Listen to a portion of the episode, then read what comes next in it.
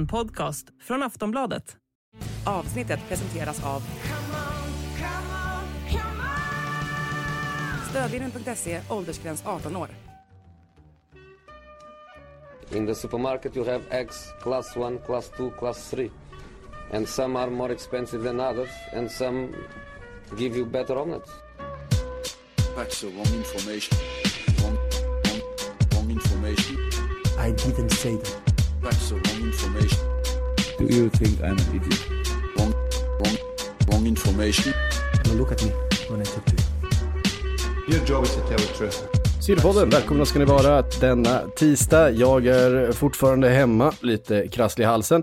Men eh, Sillyn rullar på så att eh, det får väl vi göra också då. Makoto, du befinner dig som du ska då på redaktionen och håller koll på allting som händer. Och händer grejer, gör det. Kan vi verkligen säga. Det gör det. Det kan man väl lugnt konstatera att det gör. Eh, händer en hel del grejer till och med faktiskt. Så att, eh, att nu intensifieras det, bara en vecka kvar av fönstret nu också dessutom. Så. Ja, utan tvekan den mest intensiva eh, veckan vi har bakom oss här, så här långt i det här fönstret. Eh, jag vill börja i Everton. Eh, Frank Lampard fick sparken då efter förlusten mot West Ham i helgen. Det var ganska väntat ändå. Det var lite olika tips efter den matchen huruvida han skulle få fortsatt förtroende eller inte. Det fick han ej. Nu letas det med ljus och lykta efter, efter en ersättare, en krisdoktor som ska ko- komma in och, och rädda det här kontraktet åt, åt Everton för att det, det, det liksom, finns ju liksom inte på kartan att Everton ska åka ur Premier League. Eh, Vi har varit inne på att det är liksom 70 år sedan senast. De är den klubben som har spenderat flest säsonger av alla i den engelska högsta ligan. Eh, Så att ett, eh, ett uttåg vore minst sagt anmärkningsvärt. Och föga förvånande Makoto, man har hört av sig till the notorious B.I.G. Big Sam Allardyce igen. Han har varit där och räddat dem förut en gång. De skildes väl inte på speciellt good terms den gången, men eh, man har ju också hört av sig till alla andra vad det verkar. Eh, Allt från Pochettino till ja, Thomas Frank har det kommit uppgifter om att man har hört av sig till. Marcelino såg jag och det blev, lockade mig i alla fall och tyckte att det hade varit otroligt spännande. Jag sitter och väntar på att någon Premier League-klubb ska ta Marcelino. Ja, precis. Eh. Eh, man ska komma ihåg att det är en jävla, det är en jävla uppställning tränare som Everton har haft de här senaste 5-6 åren. Från Ancelotti och Benitez till ja, men Sam Allardyce och Frank Lampard och allt möjligt. Eh, men jag tror, om jag ska sätta mina pengar på något så skulle jag sätta dem på Sean Dyche. Det, det är för mig det mest logiska alternativet i alla fall. Alltså jag, jag säger ju att om, det går att ta Marcelino, kör. Det tycker jag. Eh, jag tycker att det är så pass skicklig tränare att han, och han kan hantera en väldigt tuff situation på så vis. Eh, jag är inte lika övertygad av att en Sean Dyche-anställning i det här läget skulle vara rätt väg att gå. Eh, absolut, nu handlar det bara om att rädda kontraktet, men eh, jag vet inte om det är den typen av fotboll du räddar kontraktet med för Everton just nu. Eh, jag- vill ha in någonting som känns mer framåtlutat, någonting mer spännande på så vis, men såklart inte bara det är inte som att jag vill att de ska anställa Kikkiset igen och hoppas på det bästa, det är inte det jag menar, men jag tycker Marcelino är en ganska bra mellanväg i det. Eh, Big Sam, eh, jag vet inte vad jag hade tyckt om den. Förr eller senare ska han väl misslyckas. Och det känns inte heller rätt, men såklart att hans track record på att rädda klubbar i sådana här lägen talar för sig självt. Eh, men jag, eh, det är oroväckande och som sagt så det är inte otänkbart att Everton åker ur. Det är ju där vi har hamnat. Det är väldigt tänkbart att de åker ur. Eh, jag ser dem som en av huvudkandidaterna till att åka ur egentligen oavsett vem de anställer så länge de inte fixar den där truppen. Så att nej, det är väldigt oroväckande tid. Sen är det helt rätt att sparka Frank Lampard. eh, Faktiskt, det är ju det för att det, det har inte varit bra nog. Sen kanske man till och med skulle ha gjort det tidigare. Nej, men samtidigt, det har ju såklart inte sett bra ut, men, men eh, det är en halv säsong kvar att spela. Eh, det finns ju mycket att jobba med rent, rent tidsmässigt och antal matcher att, att vända på det här. Och bara få in någon som skulle kunna röra om lite grann. Jag menar dela ut en hårtork eller två. Eh, någon som får, får fart på, på grejerna. Någon som, eller det allra viktigaste är att det kommer in någon som spelarna tror på. För utan spelarnas förtroende så kommer det inte bli någonting. Så det måste komma in, måste komma in någon som, som spelarna tror kan lösa det här, som är, spelarna tror har tillräckligt bra idéer. För att de hade uppenbarligen tappat förtroendet för, för Frank Lampard, det tycker jag man har sett på, på prestationerna. Och, eh, det finns ju fortfarande spelare i den där truppen som de ska inte behöva åka ut, tycker jag, men ja. Eh, vi, får, vi får se vad som händer där. De har ju som sagt hört av sig till alla och det är ju en, eh, det är en fascinerande palett med tränare som har varit i Everton och misslyckats de här senaste fem sex åren. Och det är ju, som sagt, det har vi också varit inne på, det är ju en av de klubbarna i Europa som har spenderat mest pengar netto eh, av alla. Jag tror att de är på netspendlistan, ja, åtta eller nio eller något sånt där i hela Europa. Det är helt sanslöst uselt. Ja, det är sanslöst Det är så uselt. fruktansvärt dåligt hur, hur den klubben har agerat på transfermarknaden. Man tänkte att det skulle bli bra när Marcel Brands kom in och det fanns lite tydlig tanke med det de värvade och sen så har det bara kollapsat fullkomligt och Brands är inte kvar heller. Eh, nej, det är eh, fascinerande hur, alltså titta på Everton så hittar du allt man kan göra fel om du har väldigt mycket pengar och en ganska bra fotbollsklubb. Ja, I princip. ja, men i princip. Moshiri är väl det största problemet i den klubben, eh, om något faktiskt. Mm. Eh, hur den är, vi eh, jagar vidare. Det har, eh, ska vi riva av några bekräftade eller? Eh, jag tror att det är många... Ja, det är ju en del att riva av faktiskt där. Ja, men det är ju det. säga. Jag tror att det är många Arsenal-supportrar som vill eh, ha någon slags scouting-rapport på, på Kivior.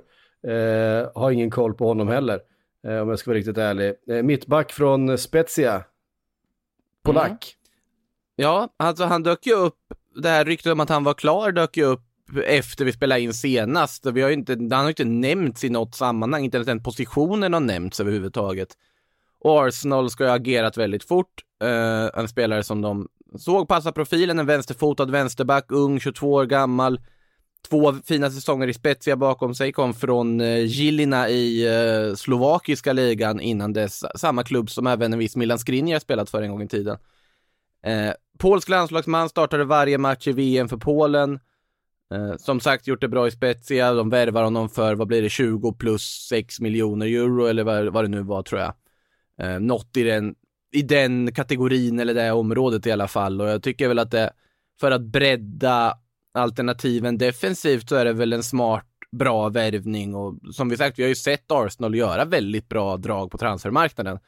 Och det är väl bara att lita på att Kivior också är ett av dem, att det kommer vara en sån spelare som man känner trygga med att kasta in i en match och kommer att göra det han ska. Och inte för en alltför stor summa, så det är väl en nyttig värvning. Och det verkar väl inte som att de är helt klara heller, för de verkar ju ändå vilja bredda mittfältpositionen också, som kanske är det viktigaste att göra, att hitta en backup till Thomas Partey, Mm. eh, som kan vara mittfältsankare ifall han nu skulle vara avstängd eller skadad. Ja, verkligen. Nej, men det, det är väl det, den positionen som alla har tittat på. Nu har man ju fått in Leandro Trossard, eh, gjorde debut här i, i helgen då i segern mot eh, Manchester United. Eh, såg pigg ut, tycker jag. Vi vet ju vad han Mm. kan. Eh, snabba fötter har han.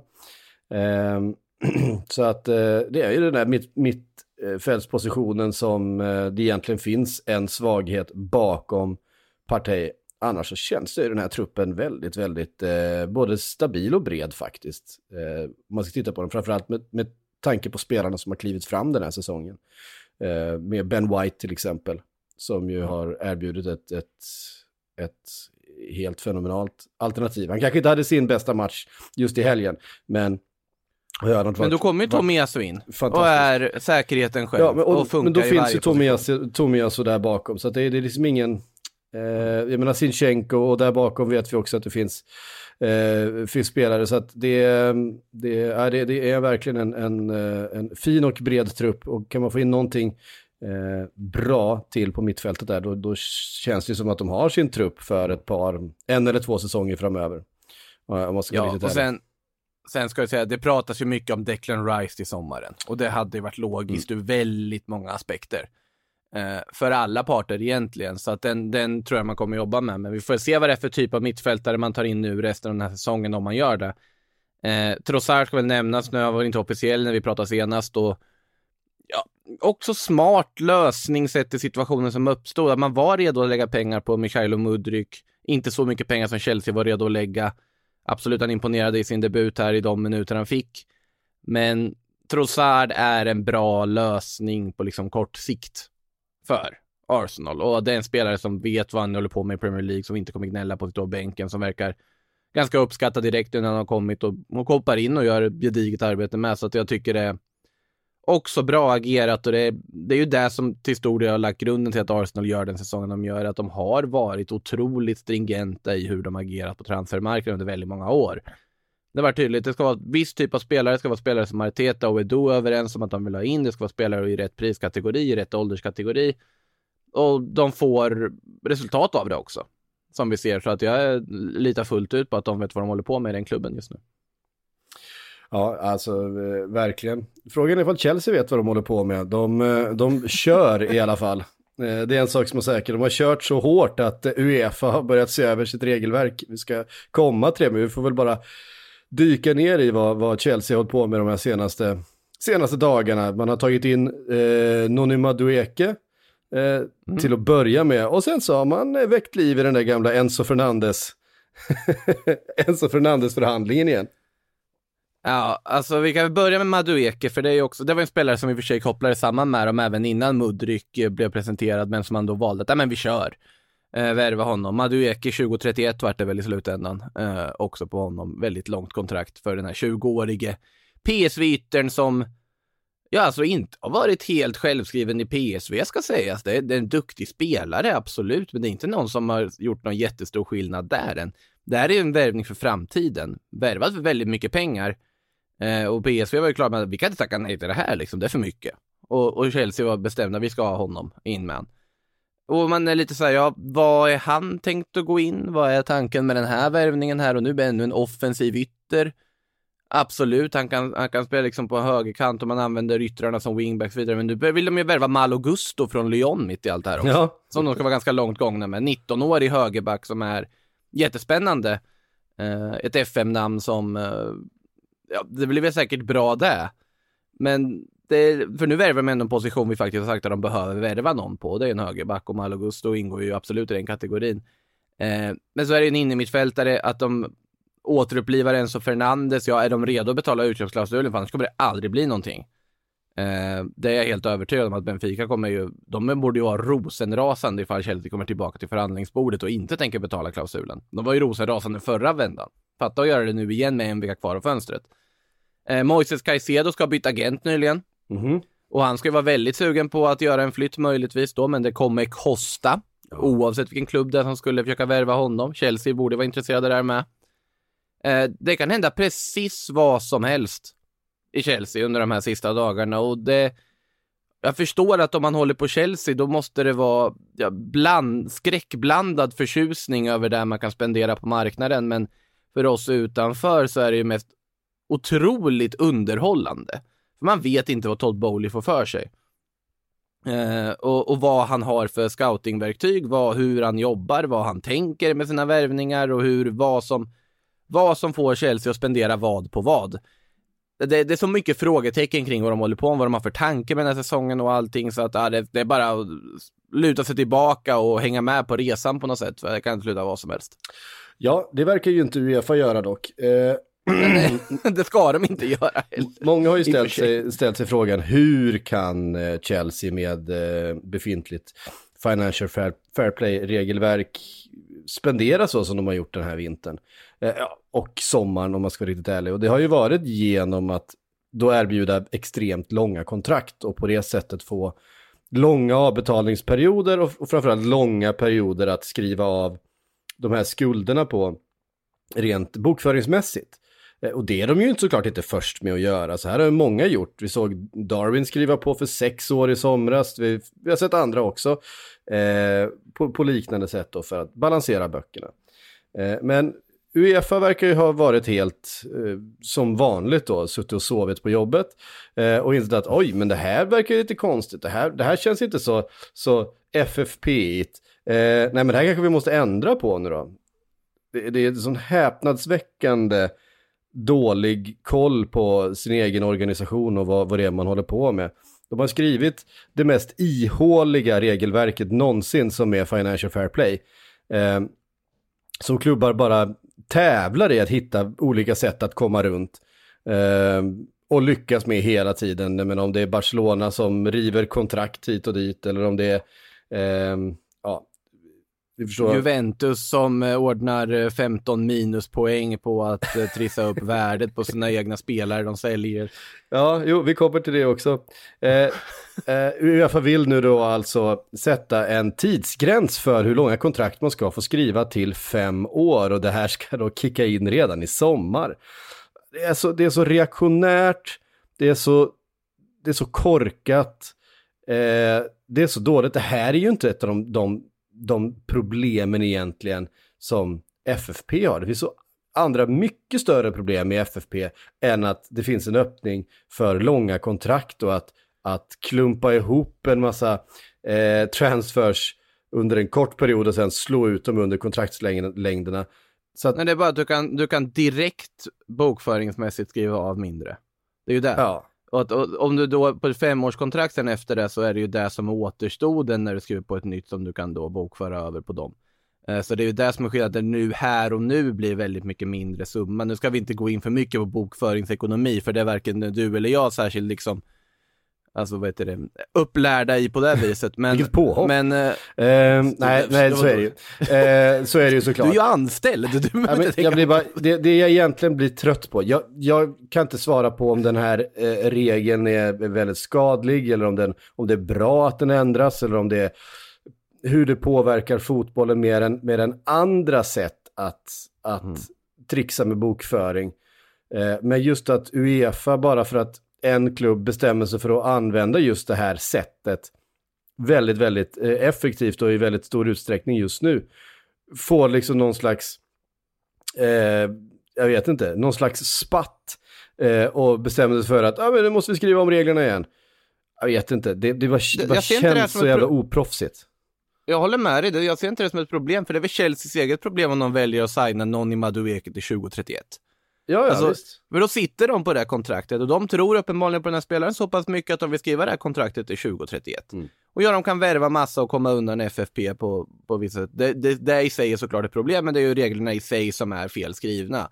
Det kommer alltid finnas sätt att gå runt dem och de kommer alltid att gynna de rikaste klubbarna oavsett vad. Ja. Så att vi, Och om det är, Det är Che- väldigt och om konstigt det, att kräva om det är att Chelsea, ska- man, och om det är Chelsea man kom, vill komma åt så är det ju redan för sent för de har redan gjort sina, sina värvningar helt i, inom reglernas, eh, ja inom det regelverket som finns helt enkelt. Ja, ja, hur som vad, helst. vad ens, vad ens Uefa medvetna vad Juventus gjorde? Det är ju, det är ju liksom in, inrikes som hela den soppan har nystats upp. Det är ju ingenting som Uefa varit och petat på. Nej, för sen finns ju då, och det här är ju då Uefas eh, transferregler, sen har ju de olika ligorna egna eh, transferregleringar. Vi, I Spanien har det ju varit eh, mycket tal om de här, eh, att ja, Lönetaken. lönetaket som finns där.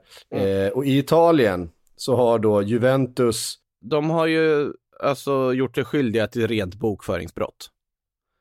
Och det har ju att göra med, och det här var ju någonting som började utredas redan för ett år sedan, eller över ett år sedan, i då när man började utreda de här så kallade plusvalensa-övergångarna. Det är ju ett uttryck som vi har använt i den här podden förut, eh, där man pratar väldigt ofta, jag vet, eh, vi har pratat bland annat med Babylona och gäster och sånt, vi pratar Italien, så har vi pratat just om det här att ja men den spelaren skickas dit, den spelaren skickas dit, båda klubbarna blir nöjda, plus Valenza, hej och hå, bra papper nästa år. Eh, och att man gör det för bokföring. Juventus har ju satt det här i system under väldigt många år, eh, där man då har trissat upp värdet på spelare inför till exempel då bytesaffärer.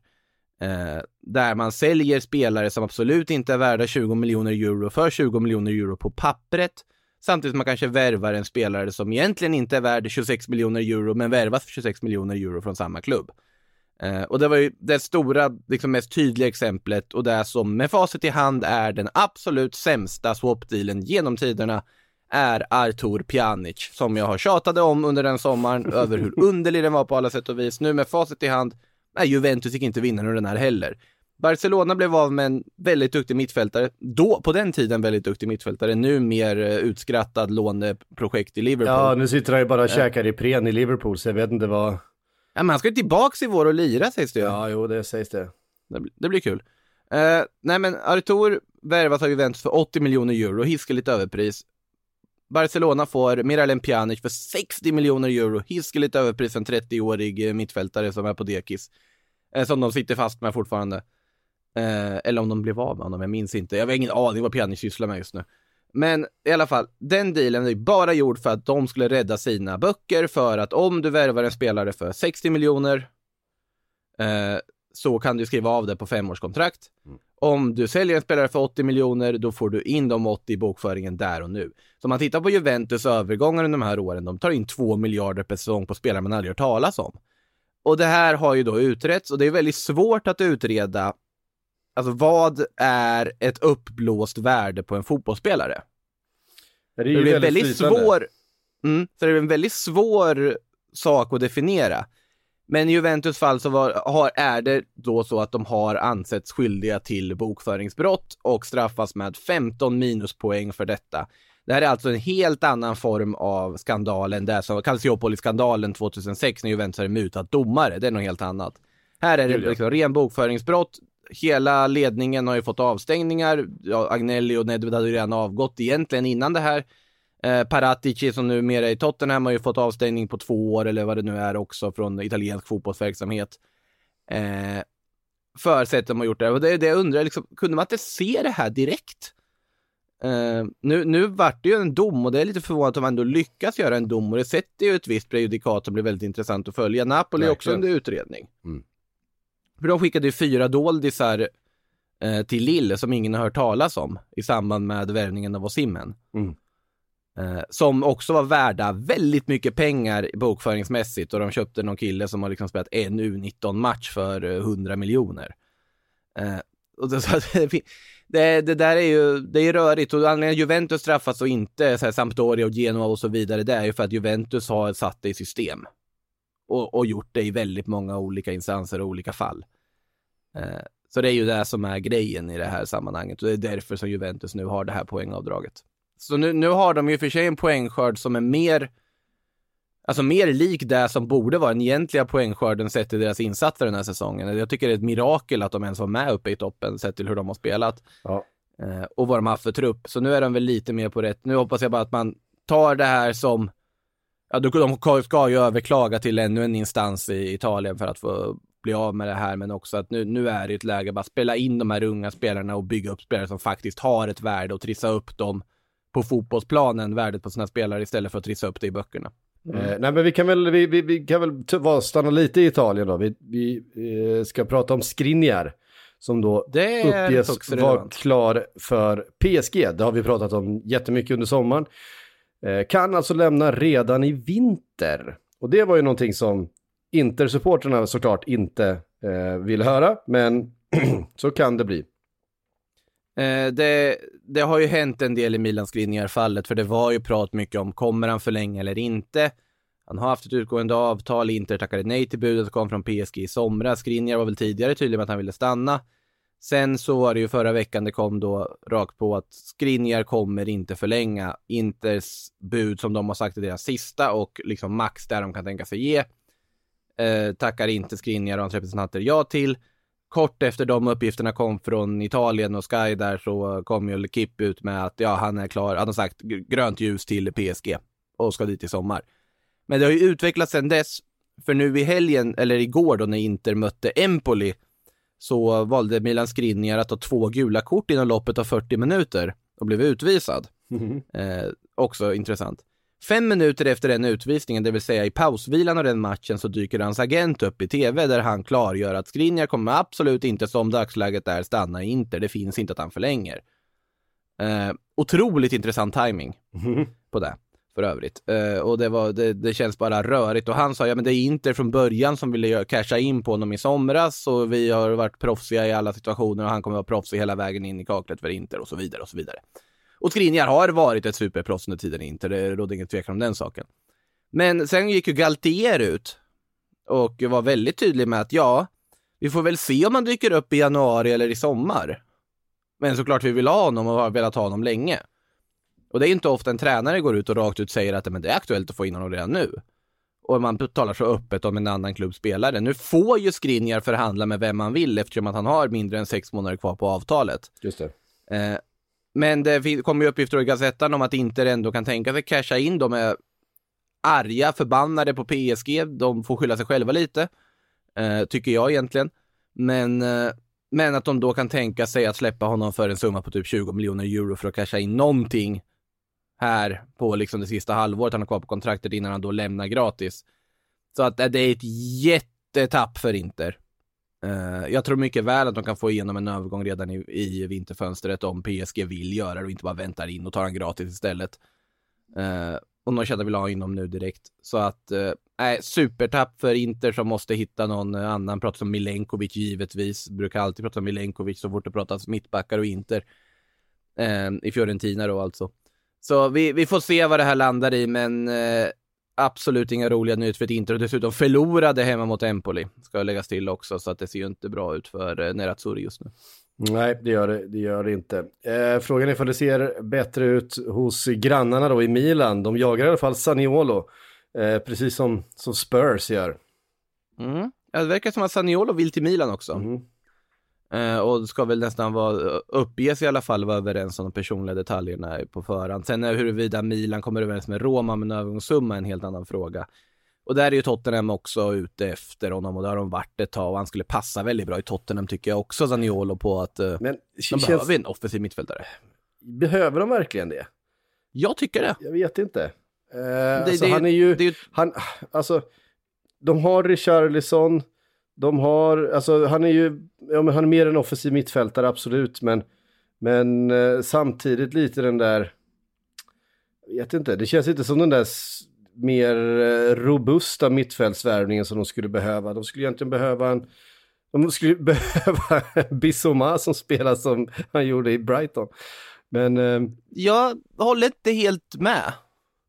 Alltså för jag, jag, tycker att det som saknas på Spurs mittfältet är kreativitet.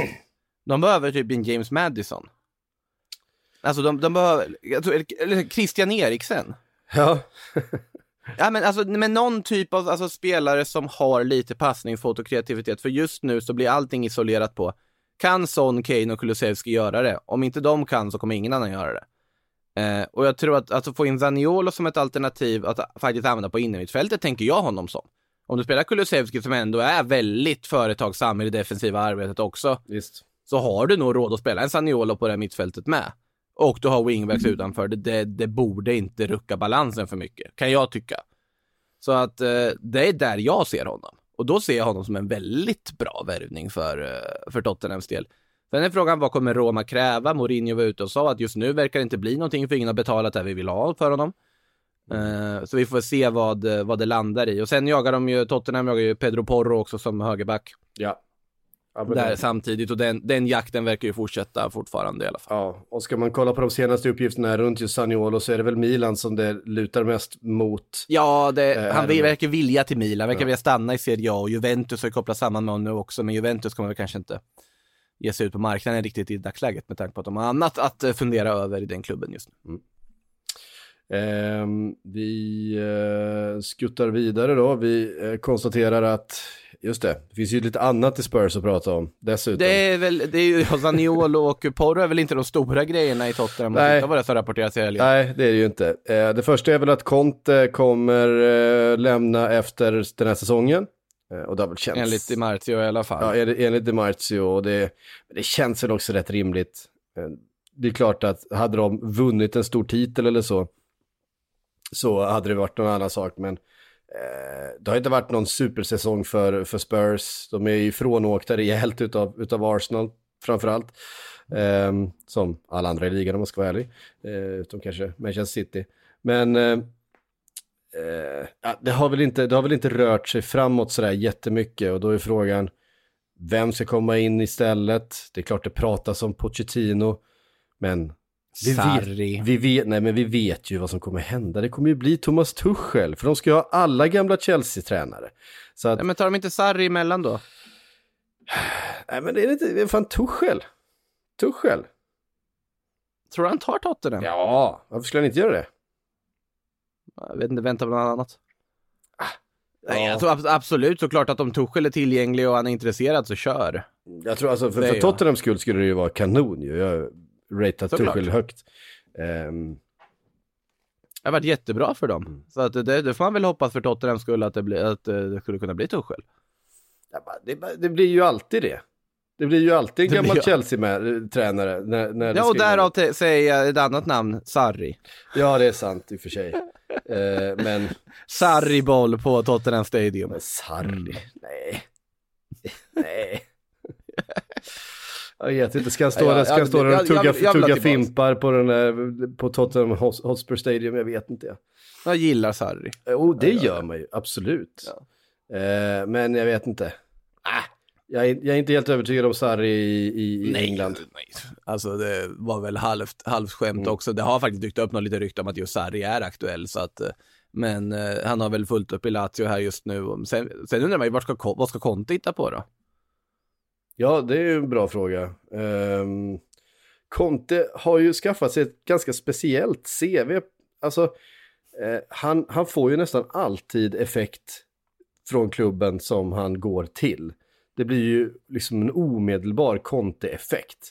Men han spelar oglamoröst, han är svår att ha att göra med, han eh, har en tendens att, att lämna klubbarna i sämre skick än han hittar dem. eh, men däremellan så brukar det liksom trilla in en trofé eller två. Eh, så att det är ju, ja, det är ju frågan vem som, vem som vill, eh, vill ha Conte. Jag tror ändå det finns ganska många som kan, som kan tänka sig av storklubbarna. Juventus. Ja, men Juventus kanske.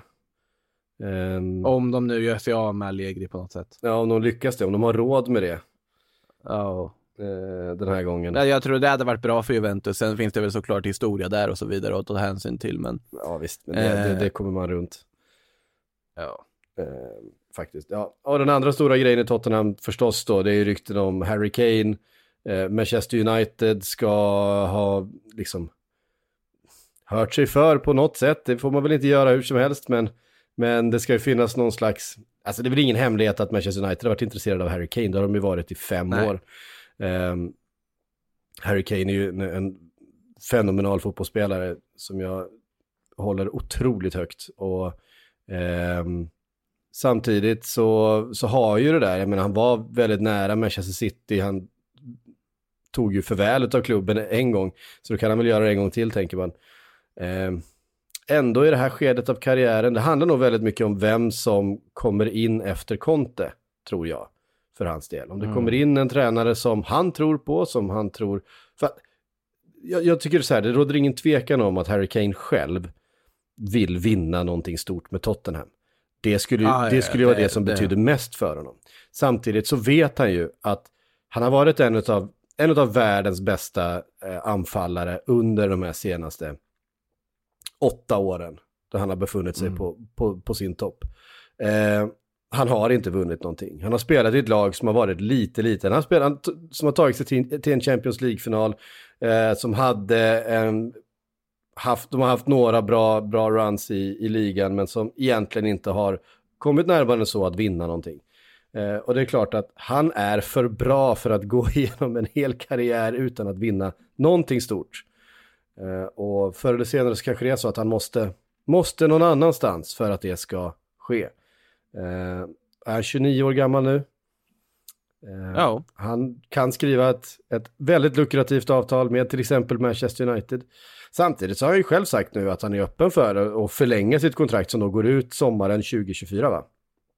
Precis så. Så att de, måste ju ta ett beslut här. Det är ju det. Antingen cashar du in i sommar eller så lyckas du hitta ett sätt att förlänga kontraktet. Jag tror att Tottenham vill ju förlänga kontraktet, så är det ju. Sen är det väl Såklart. upp till vad Harry Kane vill också. Eh, och vi får väl se om de hittar någon form av konsensus. Och det beror nog mycket på vem som kommer in, hur den här säsongen fortlöper. Säg att Tottenham inte tar en Champions League-plats, vilket ju inte är otänkbart att de faktiskt missar. Eh, då, vem vet? Vem vet vad han känner och vad han tänker i det här läget när han ändå är 29. Han vet att han har ett x antal eh, väldigt bra år kvar i toppen. Mm. Hur viktigt är det att han vinner den titeln med just Tottenham? Känner att han kan vinna den titeln med just Tottenham? Det är många frågor där. Ja, men det är det som är den stora frågan. Kan han vinna den stora titeln med Tottenham? Känner han själv Det att han kan jag. det? Det tror jag. Eh, Alltså såklart att Ja, men- Tottenham skulle kunna utmana om titlar. Ja, men får man, in, får man in en Tuchel så kanske han känner det. Då kanske han tycker själv att det Ah. är värt att stanna. Men eh, ja, vi får se. Han har ju i alla fall eh, öppnat för att förlänga det där kontraktet. Och, och ehm, som sagt, det handlar mycket om vem som tar över efter Conte tror jag.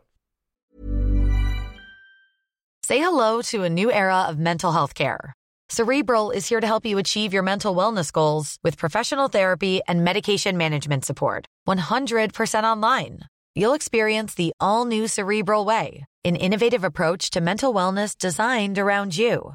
You'll get a personalized treatment plan from a therapist, prescriber, or both in a safe and judgment free space.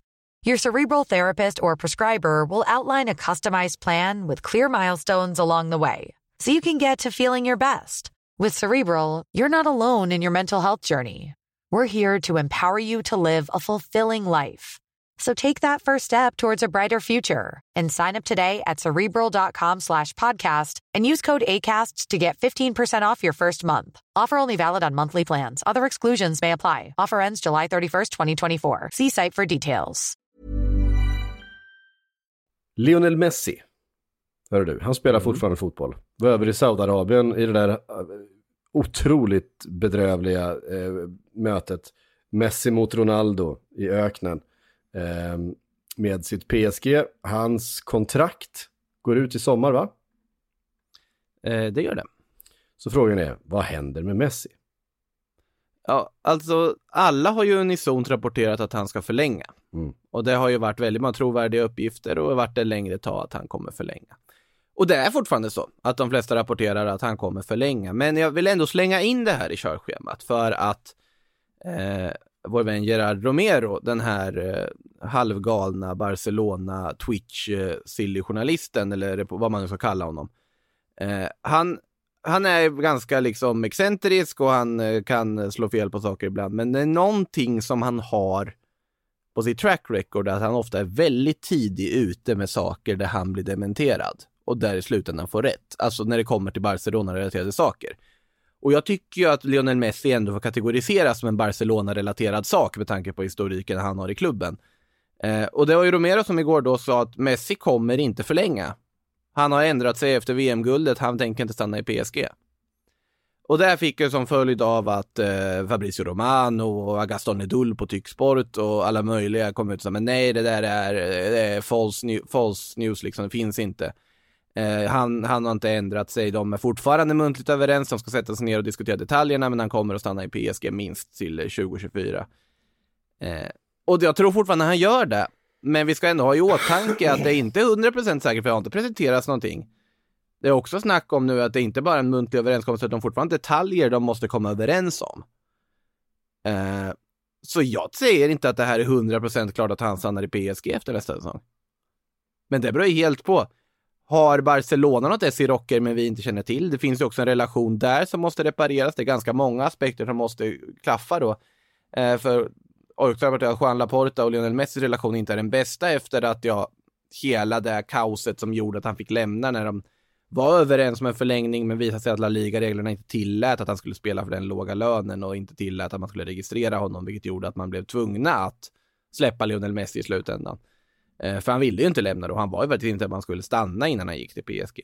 Så att jag vill ändå bara slänga in att det finns, det puttrar någonting. För att alltså man kan tycka vad man vill om Gerard Romero uh, och det han rapporterar och så vidare, men i Barca-fall har han ofta ganska god koll. Och vi ska komma ihåg att det här är ju en Twitch-streamer som ofta har Kun Agüero och Luis Suarez med i sina streams och sitter och pratar med dem och det här är ju spelare som Messi känner väldigt, väldigt väl. Uh, så jag ska, skulle inte bara ta det som, uh, som skitsnack. Nej, men jag tror att det, det inte heller är bestämt att Messi kanske känner lite på det. Han har väl kanske ingen jättebrådska mm. att bestämma sig i januari vad han ska göra nästa säsong. Han är ju som sagt 36 år gammal snart. Mm. Eh. Och vi ska komma ihåg att PSG-maskineriet är väldigt bra på att pusha ut när de anser sig ha klart med någonting. Eh, så att det, vi ska nog ändå ta Messi. Jag, som sagt, jag tror ändå han kommer att fortsätta i PSG. Jag tror att han vill vinna någonting med dem och, visa, och trivs ganska bra. Mm. Eh, framförallt tror jag han trivs otroligt bra med att spela med Neymar, och som, som man ju vet han... Jag såg några klipp här som dök upp i sociala medier på någon som har satt, satt ihop alla gånger som Messi och Neymar firar mål som andra gör. Eh, tillsammans. Att liksom någon annan gör målet och sen är det Messi och Neymar som står och kramas för sig själva. Och det är ju ganska många gånger det har hänt genom åren. Så det var väldigt sött hela det där ihop, ihopklippet av olika klipp där. Eh, men eh, nej, men jag tror att, jag trivs att spela där på det sättet och så vidare, men jag tror inte det är helt fastslaget i sten och den här uppgiften tycker jag är intressanta att han kanske kan ha ändrat sig. Vi pratade lite grann om, om eh, Porro till Tottenham. Ehm, en annan högerback som du vill prata om, står i körschemat i alla fall, är Fresnada. Nej, Fresneda. Ja, eller det var väl lite frågor här inför Premier League-podden igår där många undrade om Ivan Fresneda och då Just kan det. jag väl säga att jag är lite förvånad. Alltså varför det har blivit sån hype kring honom. Ja, han är jättelovande, han är duktig, gedigen och har fått ett genombrott den här säsongen. Men jag tycker inte att han håller en så pass hög nivå att det ska bli någon sorts huggsexa mellan Arsenal och Dortmund och Newcastle och allt vad det är Mm. om honom. Den förstår inte riktigt jag. Jag ser honom som en vettig värvning för 15 miljoner euro, absolut, men jag ser inte riktigt den hypen på det sättet. Nej, vi pratar precis om hur mycket, eh, om alternativen som Arsenal ändå har på högerbacken. Det är klart att Ben White och eh, Tomiyasu är kanske inga stjärnvärvningar för just högerbacken. Ben White är ju mittback eh, normalt sett, men frågan är ifall Fresneda är den spelaren som ska komma in. Nej, men han går inte in och petar någon av de två. Nej, precis. Och jag menar Newcastle, där har man ju eh, Trippier på högerbacken, honom petar man ju absolut inte. Eh, så då är det ju... Ja, men det, liksom det, för, ett- för Newcastle har honom som understudy Trippier så är det väl vettigt. Mm. Och Dortmund är ju, så fort det är en 18-årig talang som är spännande så kommer jag Borussia Dortmund vilja ha honom. Så är det ju. Så är det ju. Så att, vi kommer in på en annan talang i Dortmund där om en stund också. Men det, nej, så att, eh, nej, vi får se. Jag, jag förstår inte riktigt varför det har blivit sån eh, hype om honom. Alltså det är, det är jättelovande duktig högerback, men jag tycker att det är för tidigt att uh, sätta dem till skyarna än. Ehm, och som sagt, Dortmund eh, nämnde vi. Moko... Mokoko, sta- stannar i Dortmund och har förlängt då till 2026. Och dessutom så fortsätter ju då ryktena om eh, Anthony Elanga och Dortmund. Ehm, det ska finnas... Fast de ska ha kraschat nu. Är det så? Enligt tysk, ja, tyska medier har i alla fall rapporterat att det inte blir någon Elanga till Dortmund. Nej, för det, det har ju Eh. dykt upp en massa olika klubbar som är, är sugna på att låna in eh, Anthony Elanga Så är det ju. eh, nu i januari. Och det, han har ju inte fått speltiden så det känns ju som att ett, ett lån här och nu skulle nog vara det bästa för honom istället för att sitta, Mm. sitta på bänk och spela U23. Ja, det, det finns ju lite sådana situationer som United måste ha stället till. Inte bara Elanga utan även Pelistri som jag har fått ännu mindre speltid. Mm. Jag tycker det är jättekonstigt varför han sitter där och förtvinar i ett U23-lag när han ändå var så pass bra att han fick speltid för uruguayanska landslaget i VM. Nu var i och för sig inte uruguayanska landslaget särskilt bra i VM, men ändå Pelistri är en allt för bra spelare för att sitta i något U23-lag eller sitta på en bänk och inte få speltid. Det tycker jag. Men eh, jag ville prata lite om Mokoko också, för det är ganska intressant den, den händelseutvecklingen, för det var ju mycket snack om att han inte skulle förlänga. Och att de inte skulle komma överens med Dortmund och Barca ville ha honom, Chelsea ville ha honom, Newcastle ville ha honom och ville lägga massa pengar. Sen kom det ju uppgifter, och det här är inte första gången det har kommit kring Yusufa Mokoko, om hans ålder. Eh, för att det kom alltså icke-bekräftade uppgifter på liksom om att det har dykt upp något annat födelseattest för, med då namnet som han ska ha haft innan han adopterades till Tyskland. Som gör gällande att han egentligen är född 00 och inte 04. Och det här har kommit också i, i efterdyningarna av den här nyheten att Kamerun visar sig att halva deras U19-landslag inte hade rätt ålder. Eh, och Mokoko som då har rötterna i, i Kamerun. Och det men sen Dortmund har ju dementerat det kraftigt. Tyska fotbollsförbundet har dementerat det kraftigt. Säger såklart att Dortmund vet vad de håller på med och går att lita på de papperna. Och vi får helt enkelt lita på att eh, hans ålder stämmer på det här sättet. Men jag undrar inte om det är så att de engelska, för plötsligt efter det här, de här liksom snacket dök upp, då var det, ja, han förlänger med Dortmund, officiellt stannar till 2026. Om det är så att de engelska klubbarna, även om det kanske inte överhuvudtaget stämmer att han skulle vara äldre än vad han på pappret är, att de fick kalla kårar och eh, drog sig ur. Eh, men det har sagt, alltså även om man skulle vara 22 och inte 18 så är det fortfarande en otroligt spännande anfallstalang ska sägas, men samtidigt så ja, lite frågetecken. Det är inte första gången det rapporteras sånt kring Yusufa Mokoko. Det gjordes redan 2017 och det kan man väl på något sätt förstå vilken extrem impact han hade när han kom in och hur överlägsen han var alla i sin åldersklass när han var ung. Så att, men för oavsett den, den diskussionen så kan man väl säga att för Dortmunds del så är det väl jätteskönt att de trots att jag tycker de skötte ganska konstigt på att de ens hamnar i den här situationen, ändå lyckats förlänga med honom. Han vill stanna, han vill fortsätta spela under Edin Terzic som han har haft under väldigt många år under sin utveckling. Och väljer tryggheten och förtroendet för en större, alltså större plånbok. För han hade ju fått i princip dubbelt så mycket minst om han hade gått i Premier League istället. Det är såklart, vi vet ju inte, vi har ingen aning. Men de här- de här ryktena som har ju funnits, han började spela med Dortmunds U19-lag som 14-åring Ja. och har ju varit väldigt, väldigt bra väldigt länge eh, trots Mm. sin, trots sin eh, låga ålder. Så det kommer vi nog aldrig få veta heller. Och det spelar ju heller ingen roll eh, om man ska vara riktigt ärlig. För att han är ju bra på fotboll. Eh, och, Ja men precis så. och han kommer vara bra för många år framöver. Eh, Mm. så att, eh, ja. Ålder är ju då faktiskt bara en siffra. Ålder är ju verkligen bara en siffra. Eh, Efter, Fram tills att man fyller 40, då blir det en börda. Eh, vi... Eh, ja du, t- 30 går det här strecket på, men vi kan fortsätta vidare sen. ja, herregud. Eh, vi eh, ska svara på lite frågor, vi har fått in jättemånga sådana. Eh, Måns Dahl undrar, hur hade ni formerat Chelseas 11 om alla är friska och vilka hade ni sålt i sommar? Ligger Koulibaly, Kukureya och Sterling illa till? Och då är det ju så här. Kureya ligga illa till. Ja, då skulle man säga, skulle man då sälja Koulibaly, Kukureya och Sterling, då pratar vi, där pratar vi ungefär 1,6 miljarder i investering förra sommaren. Ehm, det säger ju någonting om, om vad det är som håller på, vad de håller på med i den där klubben eh, just nu. Nej, jag tror att, jag tror att visst, eh, ingen av de här spelarna har ju var, kommit in och varit eh, så bra som eh, supportrarna hade hoppats. Men eh, Kukureya fortfarande ung, fortfarande jättespännande. Han behöver kanske ehm, få lite tid och framförallt nu när, när Graham Potter har kommit in som jag har fått ut så mycket av Kukureya eh, i, i Brighton så tycker jag definitivt att det, han ska ju ha speltid så att han får spela in sig i den formen han hade förra säsongen. Ehm, De två andra är lite värre ut. Alltså Koulibaly ryktas ju på riktigt bort nu och det, det vi har det det är lite så här, vi har pratat lite lite om det, vilken extremt misslyckad värvning det har varit hittills. Det, är- det är ganska Ja, det är det. sanslöst hur misslyckad den värvningen har varit hittills. Det är en av säsongens stora floppvärvningar, det är ju inget, eh, ja, utan, utan tvekan. inget snack om saken. Och han kostade ju visserligen inte den där miljarden som han gjorde för ett par år sedan, men han kostade fortfarande rätt mycket pengar och har väldigt hög lön. Eh, så det är klart att om det finns någon som är intresserad av att ge honom en chans någon annanstans så tror jag att Chelsea kommer lyssna på det. Eh, Inter. Ja, det kanske är inte då. Han kanske behöver Mm. eh, röra sig tillbaka ner till Italien. Lilla lånet eh, kan det bli, tänker man. Ja, eh, Nej men alltså när de värvar Badia Chile nu, det pratas om att man vill förlänga med Thiago Silva ytterligare ett år. Alltså inte till 2030 angående Thiago Silva, utan Mm. bara ett år den här gången. Eh, Hans, de hans ålder är snart fan- en börda också. Thiago Silvas? Ja, han spelar ju för sig som att det inte är en börda. Det, det har han gjort under många år. Men, eh, nej alltså de har ju värvat eh, Fofana för jättemycket pengar tidigare och han ska ju komma tillbaka från en skada och få speltid såklart.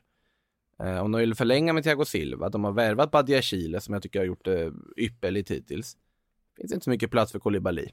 Och då känns han ganska överflödig plötsligt. Eh, så att jag vet inte, det är...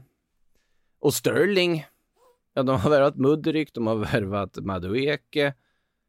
De ska värva en Kunku som vi inte ska glömma bort. Kai Mm. Havertz ingår fortfarande i planerna vad det verkar. Vem vet? Alltså om man skickar Sterling på lån till... Nej, det, det, du kan inte låna ut Sterling. Nej, nej, nej, det går inte. Det, nej. Det, Tror du inte det? Nej, det går inte. Det, det Om, om. Sterling, Sterling ramlar ner i rangordningen och känner att han vill bort och att det här inte alls blev som han ville. Ja, men det är i så fall som en del av en flytt någon annanstans. Men med, Sterling är fortfarande en av engelsk fotbolls största stjärnor. Ehm, Men du har ju värvat 80 vänsteryttrar som vill ersätta honom. Så uppenbarligen verkar det ju inte ingå i några planer just nu. Nej, nej. Ska det Mason Mount i den här ekvationen också. Men alltså om vi återgår till grundfrågan, hur skulle Chelsea ställa upp om alla är friska? Ja. idag? Nej, jag, så i, min, I min värld så ställer väl inte, så tar väl inte någon av de här tre plats. Den som tar plats för mig eh, är väl eh, Sterling, faktiskt. Ehm, Kukureya tar plats i, som vänsterback, jag tar honom före Chilwell. du gör det ändå? Ja, det gör jag. Eh, Inte på form Reece för James mig, givetvis på högerbacken. Och så har du, ja, jag gissar på ändå skulle bli Badia Chile, Thiago Silva. Mm. Nu har du ju värvat för fan, för Fana för de pengarna, då kan man tänka att han egentligen är tänkt att spela och då ska man väl göra en trebackslinje och sätta Kukureya, James som wingbacks. Mm. Två mittfältare i mitten, Kanté om han är frisk, Jorginho om han är frisk i dagsläget, Ja. Mount, ja, vad blir det sen då? Ja, och sen Mudryk eller Joao. ja. Då är det inte mycket plats för Sterling. Nej, det är menar. sant. Det är sant. Jag, Det- tänkte, det- jag, det- jag, jag, hade- jag- jag hade faktiskt glömt bort att Joao Felix var där då också. Vi gjorde ändå 60 minuter innan han blev Ja, utvisad. precis. Men han blir ju bara här under våren verkar det som, några månader. Så får vi se om de försöker köpa loss. Och så ska vi ha i den här mixen. Ja, Nkunku är ju värvad för att spela. ja. Det är- Så vad, vad är liksom planen? Jag tror, att de behöver, jag tror att de kommer behöva sälja Mason Mount. Jag tror du verkligen de säljer Mason Det Mount? vore ju ett oerhört eh, misslyckande för, eh, för alla inblandade på något sätt känns det som. Men eh, ja, alltså, Jag, vet såg inte. något löst rykte om Liverpool och Mason Mount. Ja, jo, det, jag såg också det. Men det, jag, jag inte skrev av det i hjärnan. Eh, men tänkte att det handlar nog mer kanske om att Mason Mount eh, agent sonderar terräng, terrängen mer än att eh, Liverpool tittar på att betala jätte, jätte, jättemycket Ja. pengar för Mason Mount just nu. Så, så, så är det ju givetvis. Så, men det är som sagt, det, vad är planen? Alltså nu, de var fortfarande inte värna inne med Jag tycker Enzo Fernandes börjar framstå som den bästa av köpen om de skulle värva honom för det här hiskeliga överpriset. För det är en spelare de bokstavligt talat behöver på mittfältet. Ja, ja verkligen. Så är det. Så det, det, det är ju där problemet ligger. Alltså Caicedo samma sak. Det, det är ju den typen av spelare de behöver få in. Alltså med andra positioner ser det ganska bra ut. Alltså de behöver inte en ytter till. Nej, de behöver verkligen inte nytter till. Men Ziyech ska väl någonstans nu. Han är väl Ja, den de Ziyech ska ju skeppas, så är det ju. Och det kommer ju faktiskt lite uppgifter här om att man funderar på någon form av swap-lösning med Barcelona. Man skickar Ziyech till Camp Nou och får Kessie i utbyte. Ja, Vilket jag tycker har varit bra för Chelseas del. ja. Huruvida det har varit bra för Barcelonas del ska låta vara osagt. Nej. Eh, Jag tycker i och för sig Ziyech är väldigt bra, jag håller honom högt men jag tror också det, men jag tror ändå att Ziyech, jag vet inte, jag tror att, jag tror att han kommer hamna i Ajax eh, igen. nej, en bättre klubb än där borde väl hamna i, eller? Nej, inte så säker på det. Han är, vad är han, 31?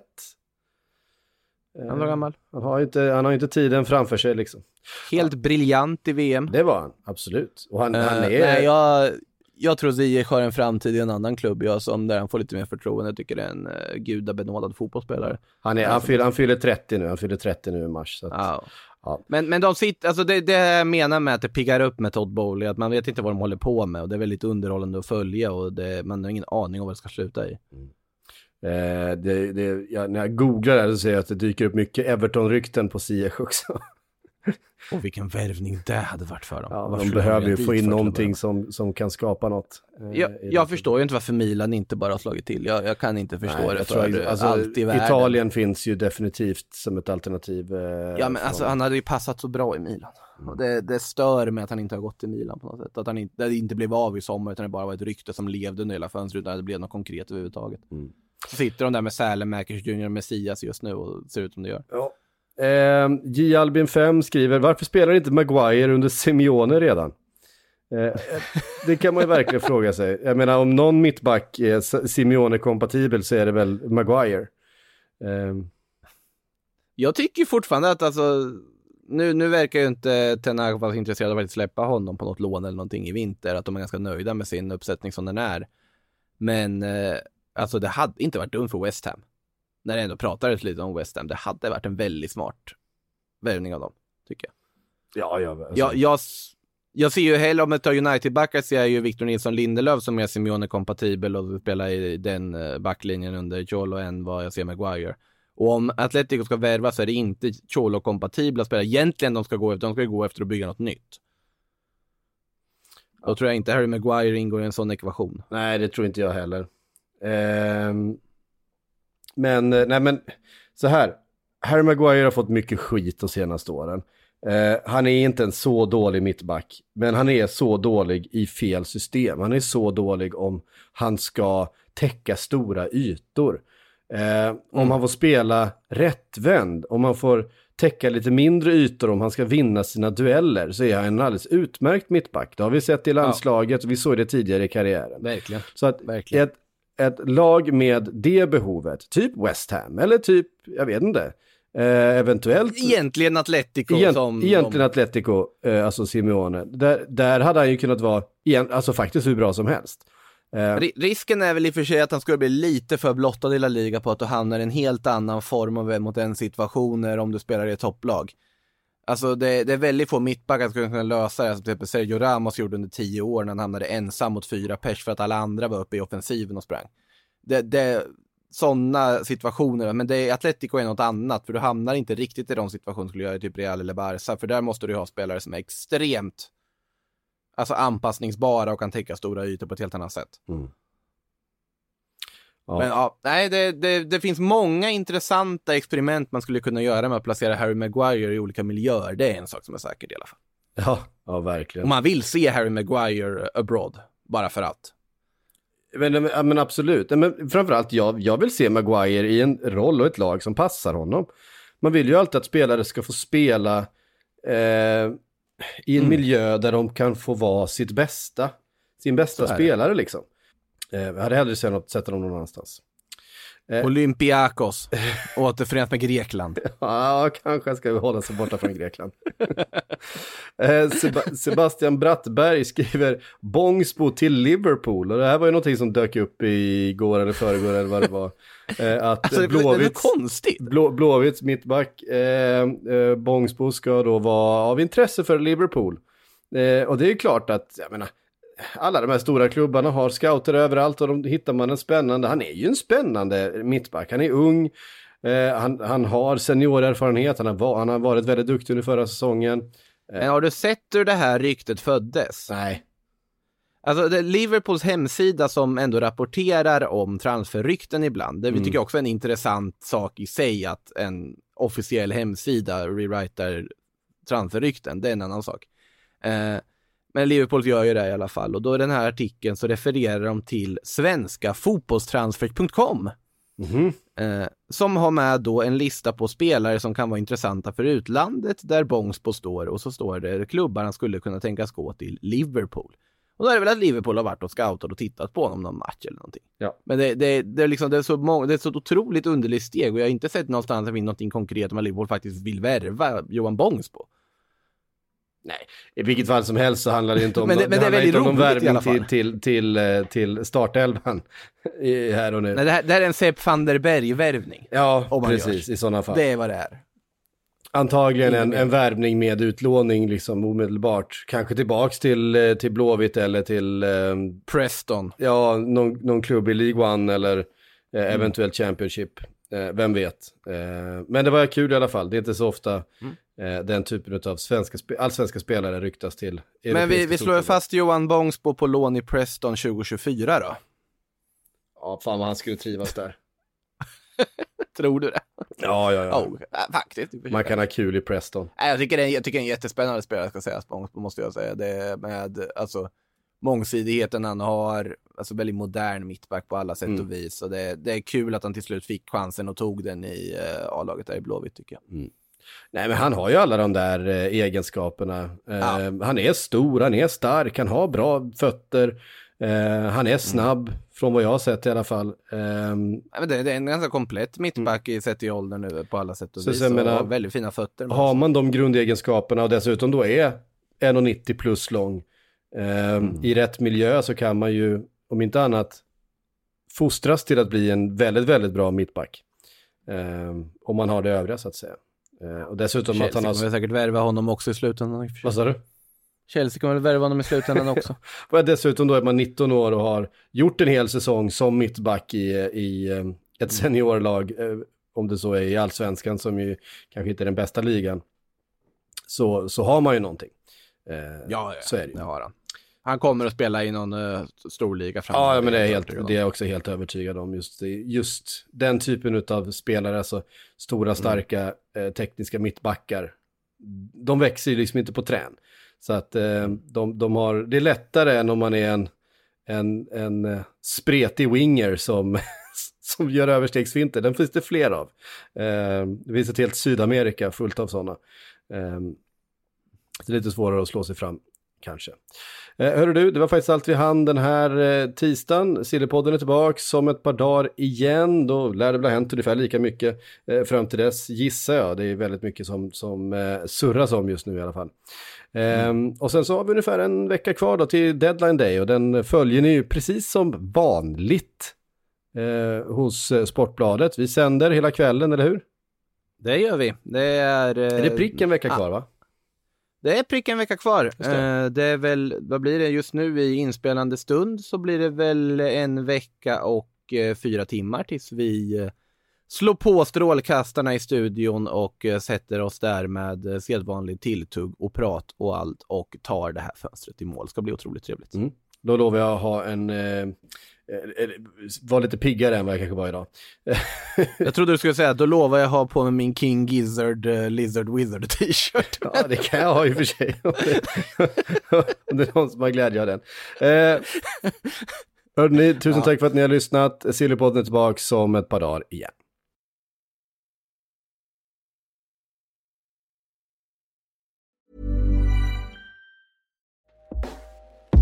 Hey everyone, I've been on the go recently Phoenix, Kansas City, Chicago. If you're like me and have a home but aren't always at home, you have an Airbnb. Hosting your home or a spare room is a very practical side hustle. If you live in a big game town, you can Airbnb your place for fans to stay in. Your home might be worth more than you think. Find out how much at airbnb.com/slash host.